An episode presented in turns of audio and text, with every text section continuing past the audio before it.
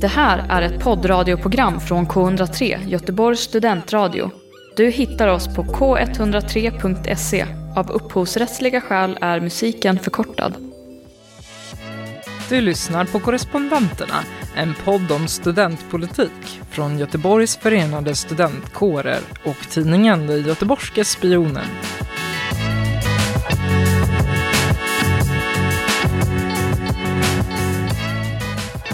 Halli hallå! Tjena! Fjärde avsnittet av Korrespondenterna. Jajamän. Ja. Hur är läget idag då? Ja men det, det är superbra. Det är ganska, ganska lugnt nu. Det har inte hänt så mycket sen sist. Det var ju inte så länge sedan sist, två veckor sedan drygt. Ja. Kanske tre då när vi spelade in. Men eh, idag har vi ju med oss en gäst i studion Woho! som får presentera sig själv. Vem är du? Hej, Leonardo heter jag. Jag är kårordförande för eh, Göta studentkår. Har eh, engagerat mig i Göta i ett och ett halvt år nu ungefär. Annars är jag student, kommer från Göteborg. Det är typ det. Vad kul, vad, vad pluggar du? Personalvetarprogrammet läser jag. Jag ska hålla på med HR och rekrytering och sådana grejer. Så du har koll på eh, kompetens och arbetsrätt och allt sånt där? Ja, jag kommer ha koll på det. Du kommer ha koll på det? Just nu låtsas jag mest. det låter bra. Men vad kul, kul att ha dig här eh, Leonardo. Jag tänker ju som ett eh, Ninja, nej inte Ninja, Turtles-fan så tänker jag ju utsagt på Leonardo som bar det här blåa pannbandet. Mm, Eh. han var coolast. Ja, Det stämmer. ja, bra. Vad hade han för vapen, kommer du ihåg? Han hade två katanas. Just det, de här eh, knivarna. Typ. Nej, Nej. svärd. Svärd, Två de här eh, långa. han- Ja precis, han hade dem på ryggen. Och så, Ja. ja. Nu kan inte lyssnarna se vad jag gör med mina händer men, men han hade dem på ryggen. Han hade liksom- det på ryggen Ja, ja, och så exakt. tog han eh, ut dem i armen liksom, han sträckte. Ja. Precis så. Mm, Ja. Coolt. Mm. Ja, jag älskade Turtles. Eh, Det, Jag tror faktiskt aldrig jag har sett ett avsnitt av Ninja Turtles, ska, ska jag vara helt ärlig. nej, Ha, hade du ingen barndom? Nej, det var, det var lite jobbigt. Anton satt och hade läste jättebra barndom. biografier av eh, Ja, men det var- typ eh, Ja, gamla statsministrar och ja sånt. men det var nästan smärtsamt lik min bakgrund det där. Så det, Spara pengarna hör jag att de Ja, också. ja, Vilken eh, bästa, har du någon favoritbiografi? Har du någon favoritgrundlag?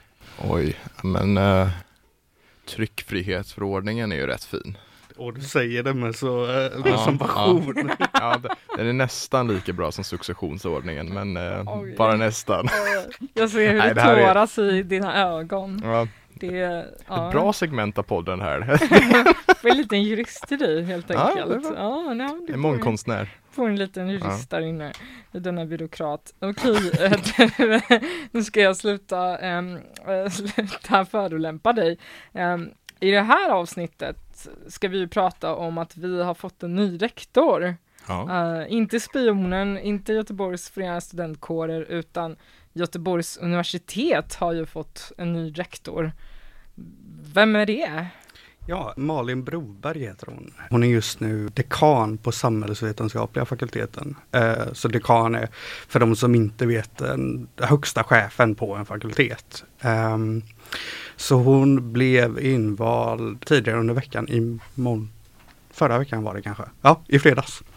Eh, av universitetsstyrelsen. Så hon kommer tillträda i juni efter sex år med Eva Wiberg. Så Eva tar sin väg till eh, Italien kanske, eller vem vet? Eller Japan gillar hon att åka till. Japan gillar hon. Jag tänkte att hon var professor i italienska. Jo, hon det- gillar Italien och Japan. Hon, Ja, ja, ja just det. hon Hon, dabble in both. Liksom. Oj, hon kanske får en mix av oss båda. Ja. Istället kommer vår nya rektor in. Vad är din spontana reaktion på det här valet? Jo, men det känns mestadels bra. Malin har under sin tid som dekan varit väldigt mån om dialog med studenterna. Hon är duktig på att lyssna, gör faktiskt förändringar utifrån vad studenterna tycker. Och hon har väldigt goda ledaregenskaper. Så ja, ja, det känns bra. Eh, sen så finns det ju alltid lite orostecken också. Ändå ska jag gå in på det nu? Eller ska vi Nej men vänta det med låter som en eh, dröm för en personalvetare att ha någon som förstår sig på människor som eh, arbetsledare. Exakt. Då tänker jag, har du någon spontan reaktion på det som GFS, Anton? Alltså vi har ju inte varit med i någonting kring rektorsvalet överhuvudtaget, så jag är faktiskt väldigt dåligt insatt. Men Mm. eh, det, det jag har hört från andra håll är att det är en bra kandidat som har, att det är många som ser fram emot det. Det kan bli bra.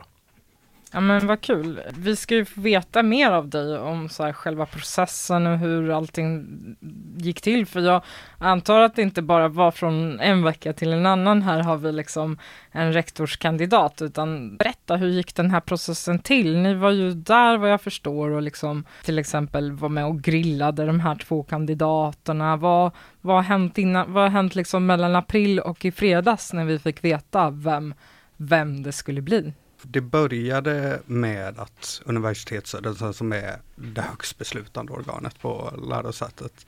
De kunde välja antingen så gör man en vad de kallar förenklad process, vilket betyder att bara förlänga mandatperioden för Eva. Eller så gör man en helt ny rekryteringsprocess och börjar leta efter en ny rektor. Beslutade man att göra en hel rekryteringsprocess, en förlängd process tror jag de kallade det. Var det för att Eva inte ville sitta kvar eller var det? Eva ville vara kvar. Hon eh, meddelade att hon, hon ville få sin mandatperiod förlängd. Men universitetsstyrelsen beslutade att, att göra en rekryteringsprocess. Och där ska det ju sägas att Eva kunde ju i den rekryteringsprocessen valt själv att, att söka posten igen som, med samma förutsättningar som alla andra. Men att universitetsstyrelsen då sa att de ville göra en rekryteringsprocess är väl, klingar väl lite lika med att vi har inte förtroende för dig Eva, så nu kommer vi söka en ny rektor. Så jag kan förstå Evas beslut att inte söka igen. Så det var där det började och universitetsstyrelsen valde då inom organet att eh, utse en rekryteringsgrupp med bland annat två eh, studentrepresentanter. Och de valde att anställa en rekryteringsfirma för att behandla alla kandidater. Det var nästan 70 ansökningar som hade kommit in läste jag. Det är ju Ja. ganska mycket för en rektorstjänst tänker jag. För att, men det är väl inte så många som är behöriga att, att söka till att bli rektorer för ett universitet. Det måste krävas ganska mycket liksom både akademisk och, och chefserfarenhet. Ja, sen tänker jag väl att just i de 70 kandidaterna så ska man nog inte läsa in för mycket för att det kan ju vara, alltså jag hade kunnat nominera Anton till det, nu gjorde jag inte det. Men vem, vem som helst kan söka eller du kan nominera andra. Och man kan bli rekommenderad av andra, man kan söka genom annons eller på, på liksom flera sätt. Så det fanns många vägar in för att, för att söka rektorsposten.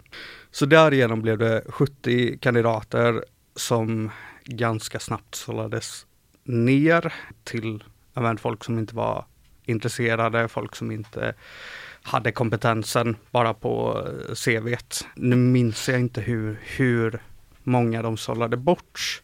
Men därefter gick de vidare och in, började intervjua kandidater och gjorde en ytterligare bortsållning och till slut så landade i tre kandidater som skulle presenteras och intervjuas av hörande församlingen. Men vad lustigt att man fick nominera folk som inte ens var tillfrågade, låter det lite som. Ja, Det är ju väldigt, en väldigt lustig och kanske kräv, liksom, tidskrävande process då.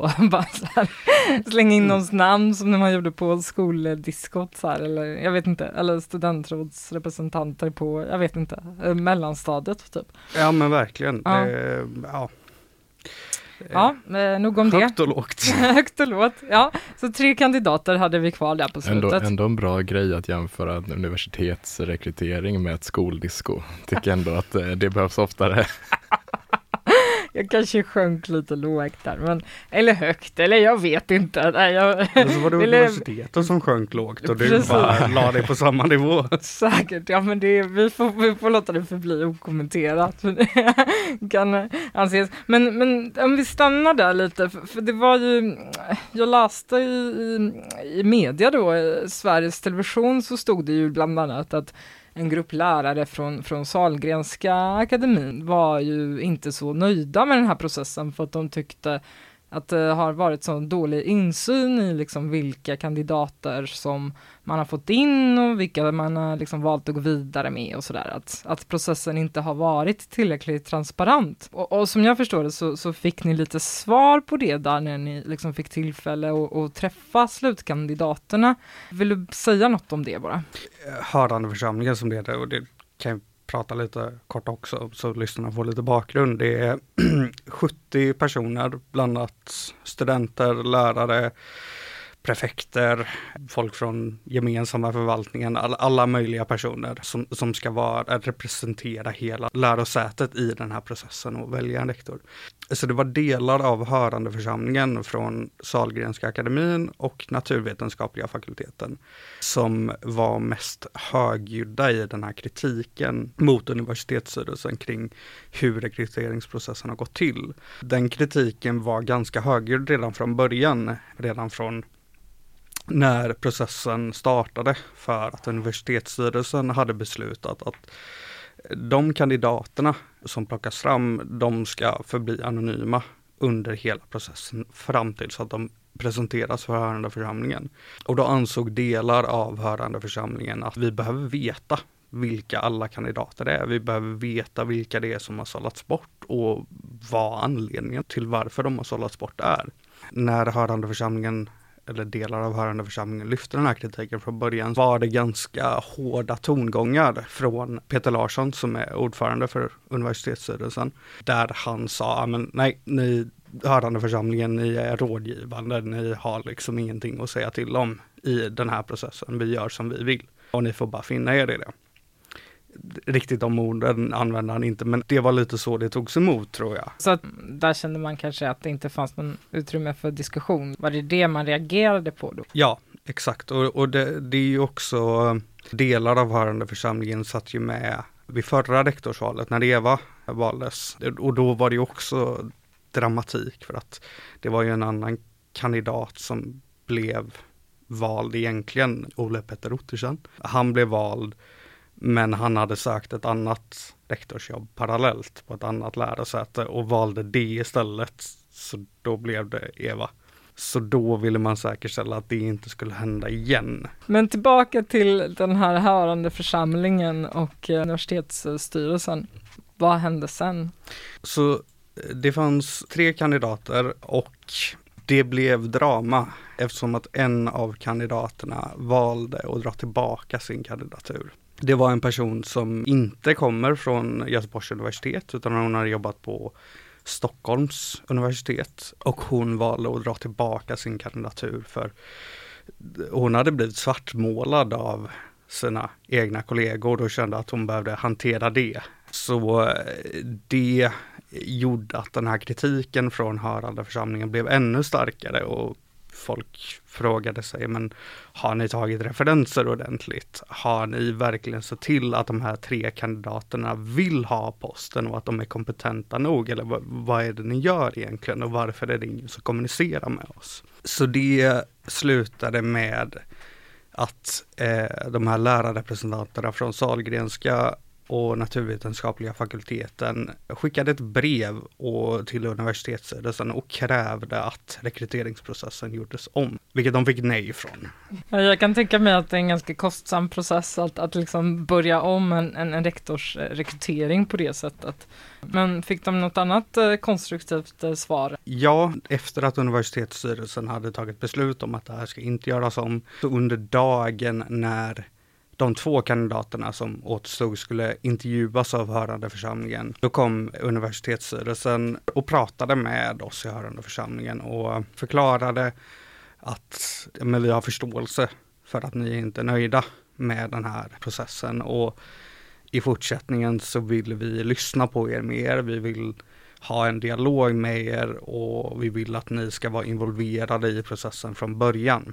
Så det blev en mer ödmjuk dialog när det gäller kritiken till universitetsstyrelsen, jag personligen håller med till viss del. Jag tycker det är viktigt att universitetsstyrelsen och hörandeförsamlingen har en dialog och att hörandeförsamlingen får vara involverade i processen från början och man får ge sin input på hur hela rektorsvalet ska gå till.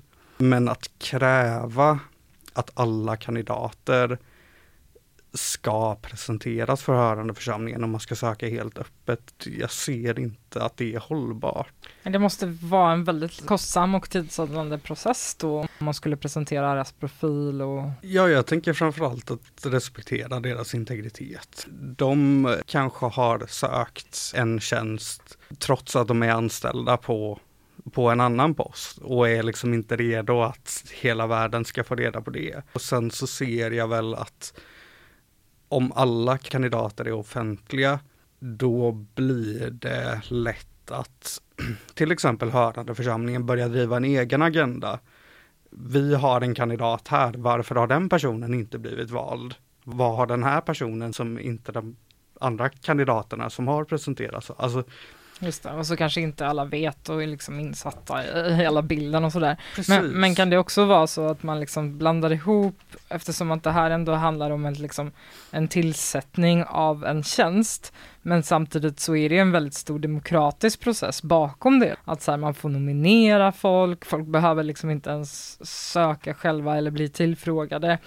Alltså jag tänker att man då kanske blandar ihop det med liksom ett politiskt val liksom till, en, till någon slags församling? Kan det vara, kan det vara lite så att så här, och då tänker man ju att kandidaterna ska vara öppna för allmänhetens granskning och, och grillning och så, men, men det här är ju en anställningsprocess och de brukar ju kanske inte vara fullt transparenta.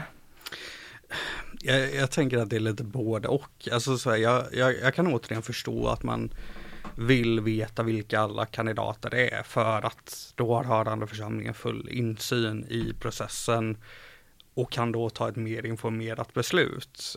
Ehm, men jag tror liksom inte det är ovanligt att de här processerna hålls ganska stängda. Sen så är det viktigt att hörande församlingen så kan ta ett informerat beslut, har ordentligt med underlag och att absolut inte ett politiskt val, men det är ändå den kommande chefen för hela myndigheten Göteborgs universitet och det, det, är viktigt att alla som jobbar och studerar här får inflytande över den processen tror jag.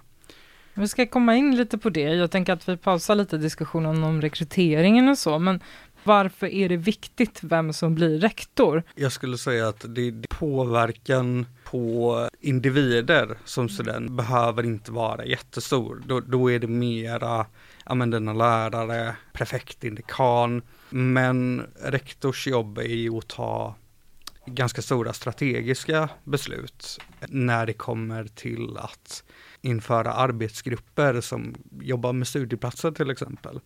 Och sådana saker som som har en påverkan på hela studentpopulationen.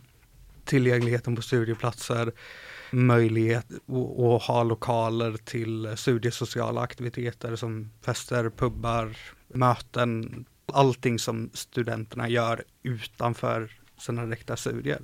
Just det, så när ni eh, var lite missnöjda där med antal studieplatser per institution och sådär, så protesterade ju ni utanför huset, universitetsbyggnaden på Vasaplatsen där och rektorns kontor egentligen. Så hon har en direkt inverkan och hon kallade in er på något möte där och ni hade någon slags samtal. Precis, och Eva pratade en del om att ja men vi ser er, vi hör er, vi måste tillsammans hantera frågan med studieplatser vi har en arbetsgrupp som jobbar på det. Låt oss se vad resultatet blir av det. Vi ska släppa in Anton lite. Jag tror att uh, du jag, hade en... Jag, jag, jag, tänkte väl egentligen bara fylla på lite eller liksom komplettera det Leo säger med att en rektor säger väldigt mycket om vad lärosätet vill bli och vad vi, vi som Göteborg som studentstad vill bli att om du väljer en rektor som är väldigt framåt på vissa fronter så säger det också det vad du vill att universitetet ska utvecklas på. Så det blir också nästan som att rektorn är en del av universitetets externa kommunikation. Vad kommunicerar vi med den här rektorn? Varför har vi inte den rektorn och så vidare.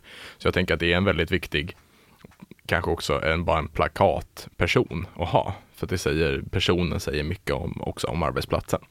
Har det någon politisk inverkan vad det blir för slags rektor, du som sitter med som studentrepresentant mot kommunpolitiker och sådär? Alltså skulle du säga att Nej men det, alltså direkt, direkt det politiska skulle jag inte säga det, utan där är det ju väldigt lite så, skulle jag tro. Eller hoppas det, för det är så, så är väl tanken att det ska vara också, att rektorn inte ska speglas i det politiska eller politiken ska inte spegla rektorn och så vidare. Så förhoppningsvis ska det inte bli så. Nej, det är väl mitt bra svar där. Det, korta, det korta svaret. Ja. Jag, jag, Men, jag tänker ja. väl däremot, lärosätet har ju ganska stora möjligheter att samarbeta med näringslivet i Göteborg och med kommunen om hur man ska hantera frågor som studenters hälsa, ja, all, allt möjligt. Så starkt samarbete mellan staden och lärosätet blir ju de facto viktigt. Absolut. Men, men, det är också ett så ganska stort spindelnät. Så de direkta kopplingarna är kanske inte jättestora som du säger. Mm. Nej, jag förstår. Platserna för, för, för pubbar och studentaktiviteter, middagar, sittningar och sådär. Det är en fråga som rektorn och också ni från GFS och Göta har varit inblandade i. Så det är en typ av sån fråga som, som behandlas på den högsta nivån som jag förstår. Det är där det blir lite svårt för att det är både och.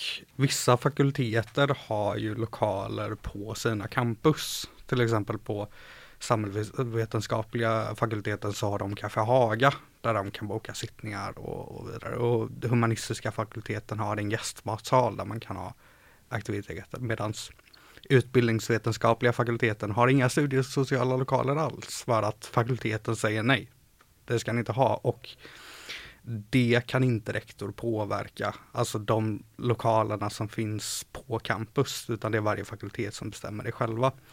Så varför säger fakulteten, är det liksom en budgetfråga då eller vad? Det är, de säger ibland att det är säkerhetsfrågor, de säger ibland att det är tillgängligheten på lokaler, de säger ibland att det är studenter är för stökiga, alltså det är lite olika svar beroende på vilket år det är. Det gäller att vara kreativ, men får inte tappa liksom tråden så. Okej, så rektorn, hon var inne på det här, varför är det viktigt att ha en rektor? Och nu har man liksom nyss valt en ny rektor, Malin Broberg som vi berättade. Och hon kommer tillträda i juni och ta över stafettpinnen efter Eva Wiberg då. Det ska också sägas att Malin blir den den tredje kvinnan någonsin att ha den tredje, tre av 20 kvinnor som kommer inneha rektorsposten då på universitetet. Finns det något annat som en rektor, om liksom, för vi har ju, om vi ska prata liksom rent, en institution har ju en prefekt. Vilka arbetsleder rektorn så att säga? Finns det någon, och jag som, som student kanske träffar liksom ja, men jag träffar lektorer, jag träffar professorer, jag träffar liksom ja, andra typer av liksom föreläsare. Vem är det som är ansvarig för de här personernas arbetsmiljö och, och hur liksom? När det kommer till allting som händer på fakulteterna och studieplatser och sådant så, så är det ju dekanen och, och prefekten som bestämmer. Men eh, rektor är ju chef för dekanerna eh, och är också eh, chef för universitetsledningen som ansvarig för allt som händer universitetsgemensamt och är högsta myndighetschefen på, på lärosätet. Och eh, re rektor tar beslut om, om alla universitetsgemensamma frågor. Så det kommer till mig varannan vecka ungefär en lista med rektorsbeslut. Eh, så det är ofta ja, men, införa nya policydokument. Så, så, så, det handlar mycket om, om indirekt påverkan av studenterna. Först tar rektor beslut om att skriva ett nytt policydokument eller införa en ny arbetsgrupp. Och sedan är det upp till fakulteterna att verkställa det. Och det är då det får studentpåverkan. Så det är liksom, det är några steg ner till, till att det faktiskt blir studentpåverkan. Så till exempel den här handlingsordningen för att hantera sexuella trakasserier på universitetet som vi har tragglat en del på spionen apropå vår artikel om en lärare som blev avskedad efter anklagelser om just sexuella trakasserier. Eh, det är till exempel ett sådant dokument då som man tar fram eh, i ledningsgruppen som jag förstår då. Så det är Precis. rektor eller vice rektor då som, som har det ansvaret och sen så är det liksom upp till institutionerna eller fakulteten, institutionerna att liksom sätta det i, i, i, i verkligheten, implementera det liksom. Mm. Um, tillbaka till den här rekryteringsprocessen om vi är där, för, för vi var ju här där vi, det var liksom återstod två kandidater, um, en hade hoppat av och då fick ju ni studentrepresentanter grilla de här slutkandidaterna en hel dag. Vad hade du ställt för fråga Anton? Jag hade nog ställt de här verkligen alltså, politiska frågorna. Vad vill du med om du får bestämma liksom i en, en dag, vad skulle du göra med Göteborgs universitet? Vad skulle du förändra? Vad, vad, vad är din vision? Och sen kanske också liksom mer studentstadsfrågor utanför eh, lärosätet. Vad vill du att Göteborg ska signalera till nya studenter och även studenter som redan är här såklart. Men hur ska du locka hit studenter så att de får ett bra en bra studietid och vill komma hit och plugga. Just det är väl sånt jag lite hade velat uh, veta i så fall. Mm. Anton är mycket inne på PR och, och universitetets uh, image där. Men, men, vad ställde ni för frågor då Leonardo, om, om, vi får, om vi får fråga? Vi ställde faktiskt en fråga som jag tror att Anton kommer älska. Oh. Ja. Uh, Göteborg har som ambition att bli årets studentstad 2025-2026. Hur ska du som rektor se till att det förverkligas? Det är en otrolig fråga. Eller hur? Alltså det är så bra. vill, vill, du gissa vad båda kandidaterna svarade? Nej, jag vågar typ inte det. Det vågade inte de heller.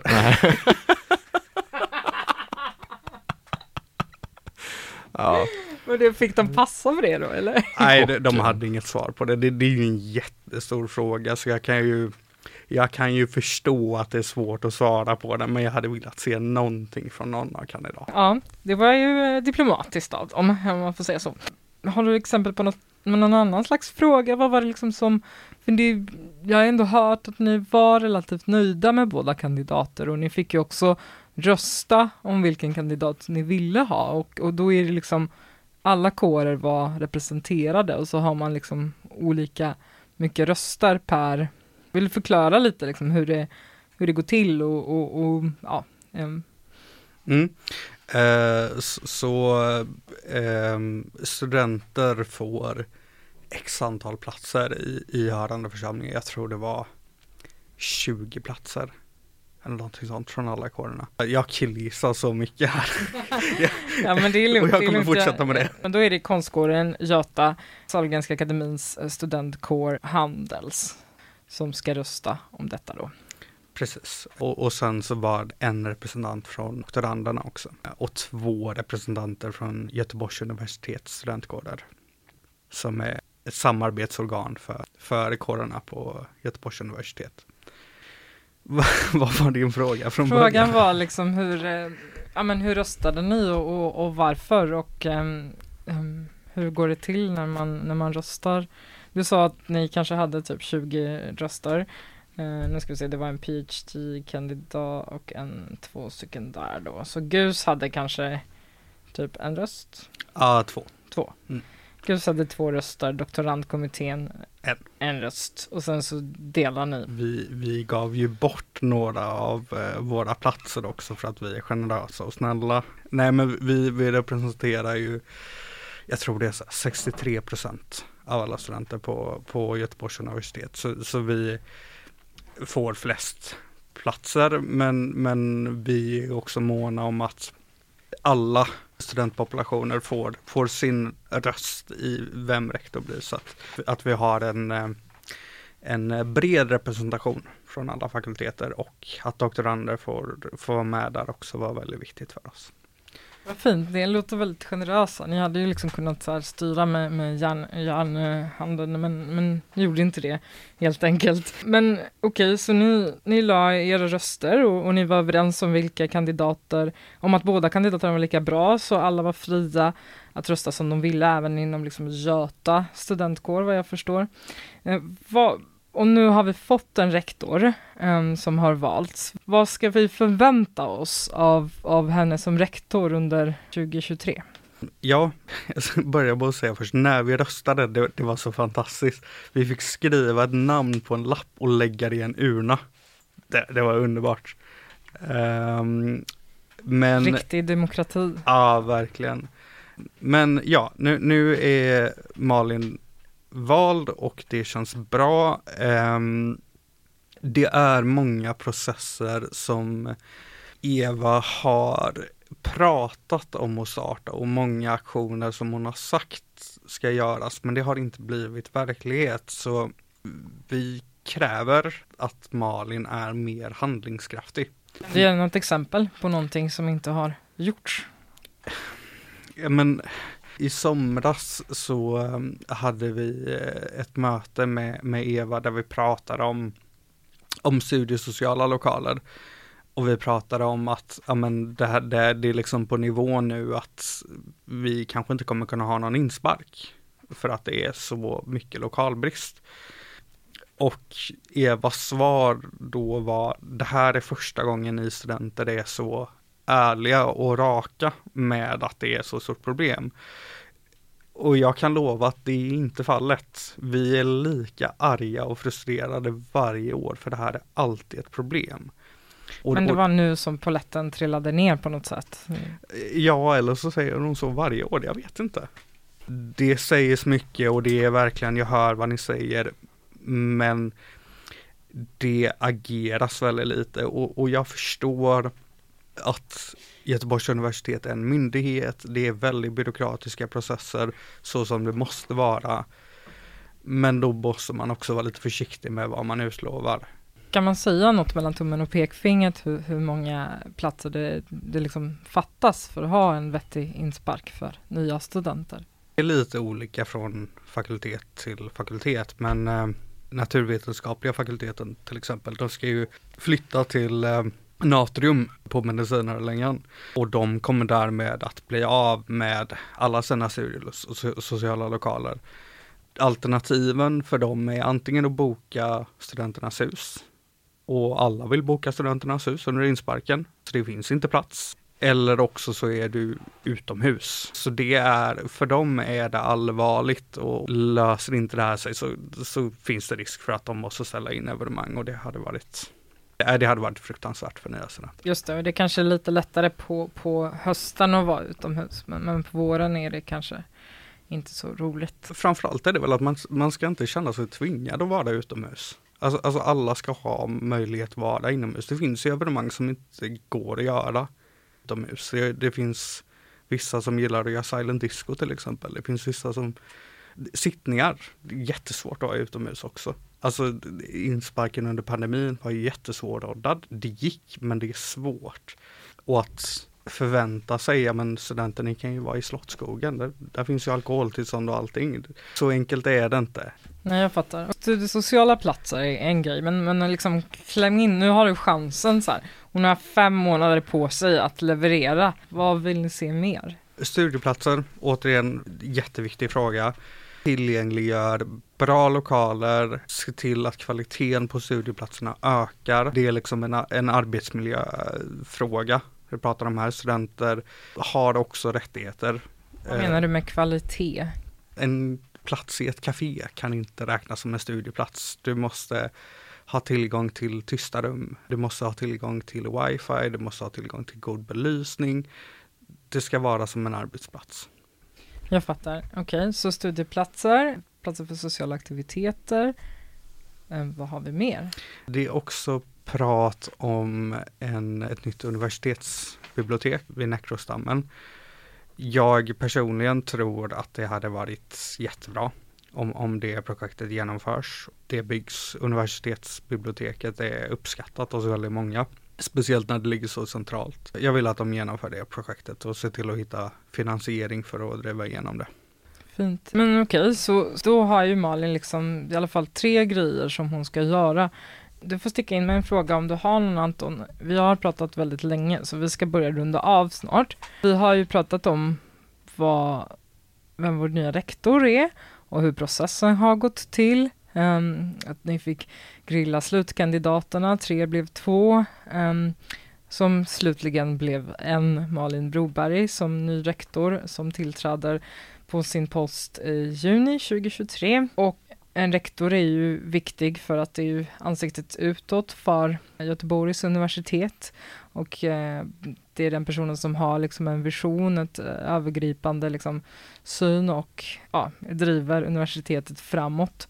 Kanske kommer göra Göteborgs stad till årets studentstad 2025, vem vet? Era förhoppningar Leonardo? Det är att de här studieplatserna blir fler, att det finns fler lokaler för inspark och studiesociala aktiviteter, sittningar och så vidare. Men också en utveckling av Näckrosdammen, det projekt som pågår där. Har du någon avslutande fråga eller är det något som du vill ha av rektorn som GFS-are 2023? Ingen specifik sakfråga kanske. Jag håller med om studieplatserna. Att där behövs det verkligen steppas upp och ganska snabbt också. Att det behövs göras mycket för att det just nu är det inte hållbart och det är ju en stor, eh, som Leonardo säger, en stor arbetsmiljöfråga.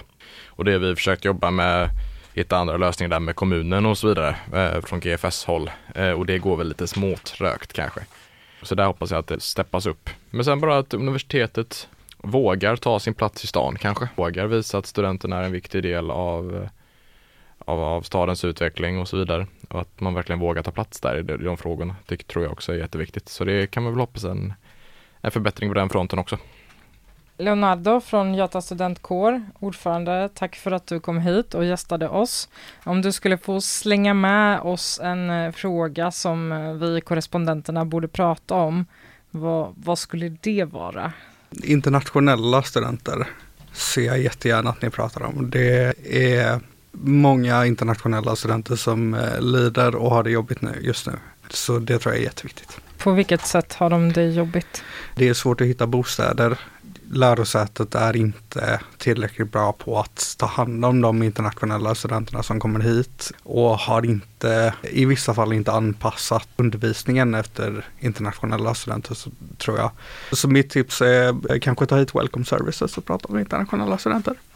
Vad spännande. En tack, tack för tipset och tack för att du kom hit Leonardo Redin, ordförande i Göta studentkår. Ja, tack för att ni har lyssnat. Vad vill ni som lyssnare att jag och Anton, programledare för korrespondenterna, ska prata om? Ni kan väl skriva det i kommentarsfältet på vår Instagram-post här. Oss hittar du där poddar finns och vi hörs om två veckor igen. Tack för att ni lyssnade.